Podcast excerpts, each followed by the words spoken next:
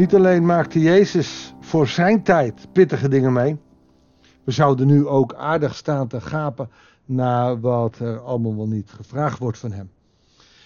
En soms lijkt het ook wel alsof Jezus heel hard reageert. En weet je, misschien is het wel waar ook. Zelf word ik een beetje moe van die good feel, feel good kerken. Het moet allemaal fijn zijn en goed. Soms is de boodschap ook keihard. En we zitten hier in een gedeelte dat eigenlijk best wel keihard is. Maar misschien ook wel heel erg mooi. Beproeving, betoetsing. Op wie je bent en hoe ver je staat. Bij ons zou een vrouw als deze al lang hebben afgehaakt. Oh, dan hoeft het niet meer. En daar laat ze zien wat een echt gelovige is. Want we zitten in Matthäus 15. En we gaan lezen een spannend gedeelte. Goeiedag, hartelijk welkom bij een nieuwe uitzending van het Bijbels Dagboek. We lezen Matthäus 15 vanaf vers 21 tot en met 28. Toen weer vertrok Jezus. Hij week uit naar het gebied van Tyrus en Sidon. En plotseling klonk de roep van een Kanaïtische vrouw die uit de streek afkomstig was. Een Kanaïtische vrouw is geen Israëlische vrouw. Het is wel het land Canaan, maar het is dus een originele inwoner van het land Canaan. Het is dus feitelijk heel lang de vijand geweest van Israël. Je zou kunnen zeggen, het buitenland. Heb medelijden met mij, Heer, zoon van David. Hier gebeurt iets bijzonders. Zij weet wie deze Jezus is. Een Heer, maar ook nog eens de zoon van David. En in die tijd, en dat zie je in de Bijbel, kijk maar eens Matthäus 1, maar ook Genesis staat er vol van, die geslachtregisters. Dat is belangrijk. Tegenwoordig zouden we zeggen My Heritage. En uh, maak een account aan en als je, uh, dan kan je je geslacht tot in duizendste terug. Prima. In de Bijbel is dat ook een redelijk belangrijk onderdeel. En hier kent deze vrouw, deze vreemde, buitenlandse, Canaanitische vrouw, de afkomst van Jezus. En dan zegt ze: Mijn dochter wordt vreselijk gekweld door een demon. Maar hij keurde haar geen woord waardig. Waarom doet hij dat nou? Dat deden alle Joden. Feitelijk laat hij hier zien: zo doen we altijd. De Joden voelen zich te goed. Deze vrouw heeft geen rechten. Deze vrouw is minderwaardig. De Joden staan boven de ladder, zij onder. Zijn leerlingen kwamen naar hem toe en vroegen hem dringend: Stuur haar toch weg, anders blijft ze maar achter ons aan schreeuwen. En nou heeft Jezus de discipelen te pakken. Het gaat hem helemaal niet om dit, hè, om deze vrouw op dit moment. Het gaat hem hier om zijn discipelen te leren hoe je met vreemdelingen omgaat. Je zou kunnen zeggen dat het in deze tijd ook wel zo is. Maar goed, hij antwoordde ik ben alleen gezonden naar de verloren schapen van het volk van Israël. Hij bevestigt hier het beeld van de discipelen. Ik ben alleen gezonden voor, naar de verloren schapen van het volk van Israël. En dat klopt, Jezus was alleen in Israël aan het werk. Hij ging niet Klein-Azië in, zoals Paulus dat doet.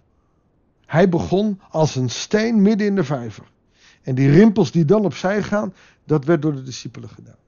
Dat is de meest efficiënte manier. Begin iets, zorg dat het staat en laat het dan uitbreiden. Je hebt ook mensen die meteen overal wat neerdoen en, en dan rimpelt het tegen elkaar in. Dat gaat tegen elkaar inwerken. Maar Jezus niet, die begint in Israël. En hij laat het ook duidelijk zien, want het was ook het beeld bij, in, in, bij de Canaanieten. Ga je niet aan de gang. Die buitenlanders, daar doe je niks mee. Dat zijn de vijanden. En even bevestigt hij het. Maar zij kwam dichterbij. De discipelen uh, kunnen Jezus er nog niet van weerhouden om weg te sturen. En ze komt dichterbij. En ze wierp zich voor hem neer. Weer iets. Ontzag. Ze werpt zich voor hem neer en heeft ontzag voor deze Yeshua, de zoon van David, voor deze Heer. En dan zegt ze: Heer, help mij. En het antwoordde, hij antwoordde, weer in de Fariseese manier. Het is niet goed om de kinderen hun brood af te nemen en het aan de honden te voeren. Nou, dit is een, een tekst waarvan je zegt, wauw. Dit zou ik niet tegen mijn vrouw moeten zeggen. Dit zou ik niet in mijn gemeente moeten zeggen. Het is niet goed om mijn gemeente hun brood af te pakken en het aan een niet-gelovige te voeren. Niet missionair. Jezus zegt het hier heel duidelijk. En hij doet het hier om te beproeven. Deels de discipelen, want die zijn eigenlijk blij dat hij dit zegt. Maar ook deze vrouw. En dan zegt ze iets bijzonders. En dat zouden de Joden niet kunnen verzinnen, laat staan de discipelen. Ze zegt zeker, heer. Maar de honden eten toch de kruimels op die van de tafel van hun baas vallen?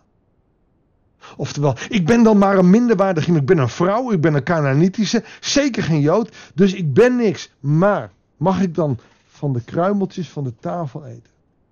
En toen antwoordde Jezus haar en de discipelen zitten te wachten dat, ze, dat Jezus iets gaat zeggen van nou ga weg. Maar dan zegt hij, u hebt een groot geloof. En dat moet zeer doen bij de discipelen. Want die vroegen, stuur het toch weg. En, en hier zegt hij, u hebt een groot geloof. Dat betekent dus dat de discipelen hier als het ware op een kop krijgen. Zo van, wij hebben dus geen groot geloof. Jezus laat het dus eerst heel verder op aankomen. En de discipelen die zullen gedacht hebben, zie je wel, we hebben gelijk, Jezus doet wat wij willen. En dan gaat hij weer omdenken, dat doet Jezus altijd. En de discipelen worden daar vast helemaal gek van. Ik zou gek worden van Jezus. Elke keer als ik denk, zo moet het, dan is het anders.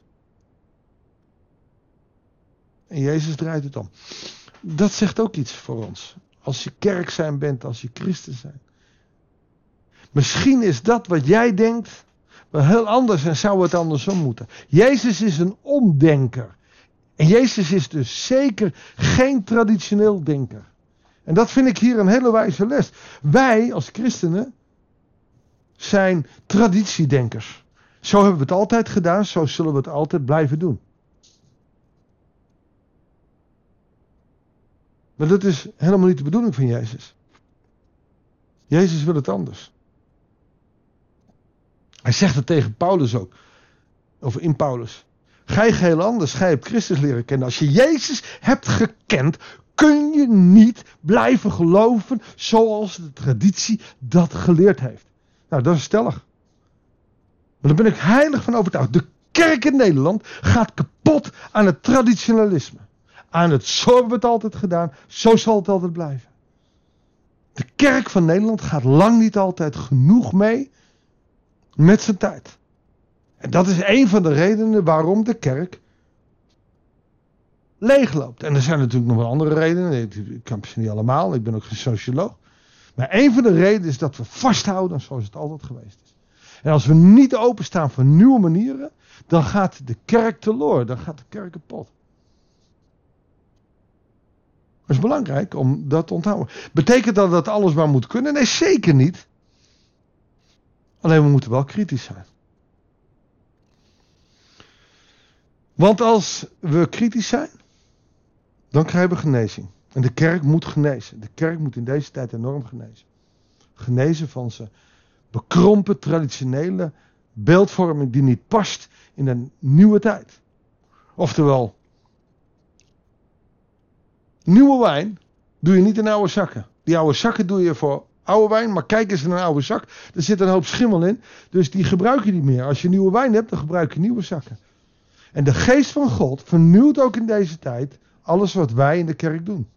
Want de geest van God is vernieuwen. De geest van God, de heilige geest, zal nooit zeggen, nou zo heb ik het altijd gedaan. Zo zal het altijd blijven. Dat mensen, vind ik een van de belangrijkste dingen om te onthouden.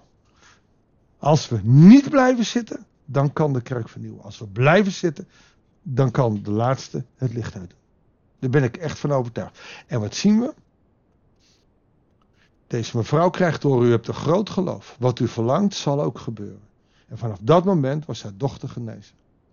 Als wij ons omzetten en zeggen: Oké, we laten ons door de geest leiden. Dat betekent dat het anders gaat dan wij zouden doen. En als de geest ons een andere kant op leidt, dan laten we dat gebeuren. En dan zal je zien dat wat wij verlangen, groei of meer geloof, dat dat ook zal gebeuren. Nou, pittige uh, redenvoering. Laten we bidden voor wijsheid, want het is niet ik die de wijsheid geeft, het moet God zijn die de wijsheid geeft. Ik denk dat door deze tekst hij dit heel duidelijk geeft. Maar laten we er maar aan bidden. Lieve Vader in de hemel, trouwe God en Vader, u bent de God van de kerk. Niet ik, niet wij, maar u bent de God van de kerk. En we danken u voor alles wat u doet. En het spijt ons dat wij u eigenlijk verdriet doen door vast te houden aan wat honderd jaar geleden geleerd werd. Heer, leer ons luisteren naar uw geest. Natuurlijk mogen we dingen uit de traditie best houden als ze goed zijn. Maar laat ons door de kracht van uw geest ontdekken wat belangrijk is. Niet wat ik wil, maar wat u wil. Heer, leer ons zo meer en meer uw wil te doen. Dat bidden we u met de kracht van ons geloof. Met het verlangen om los te laten wat wij zelf vinden. En u leiding te laten geven in ons leven. In Jezus' naam. Amen. Nou, een pittige boodschap en ik hoop dat je er wat mee doet. Ik hoop ook in jouw geloofsleven, want ik kan katten op de kerk. Uh, en um, ja, dan, uh, dan kom je nergens. Ga eerst maar eens bij jezelf beginnen. Hou jij vast aan de traditie? Ik wens je een goede dag en heel graag tot de volgende uitzending van het Bijbels Dagboek.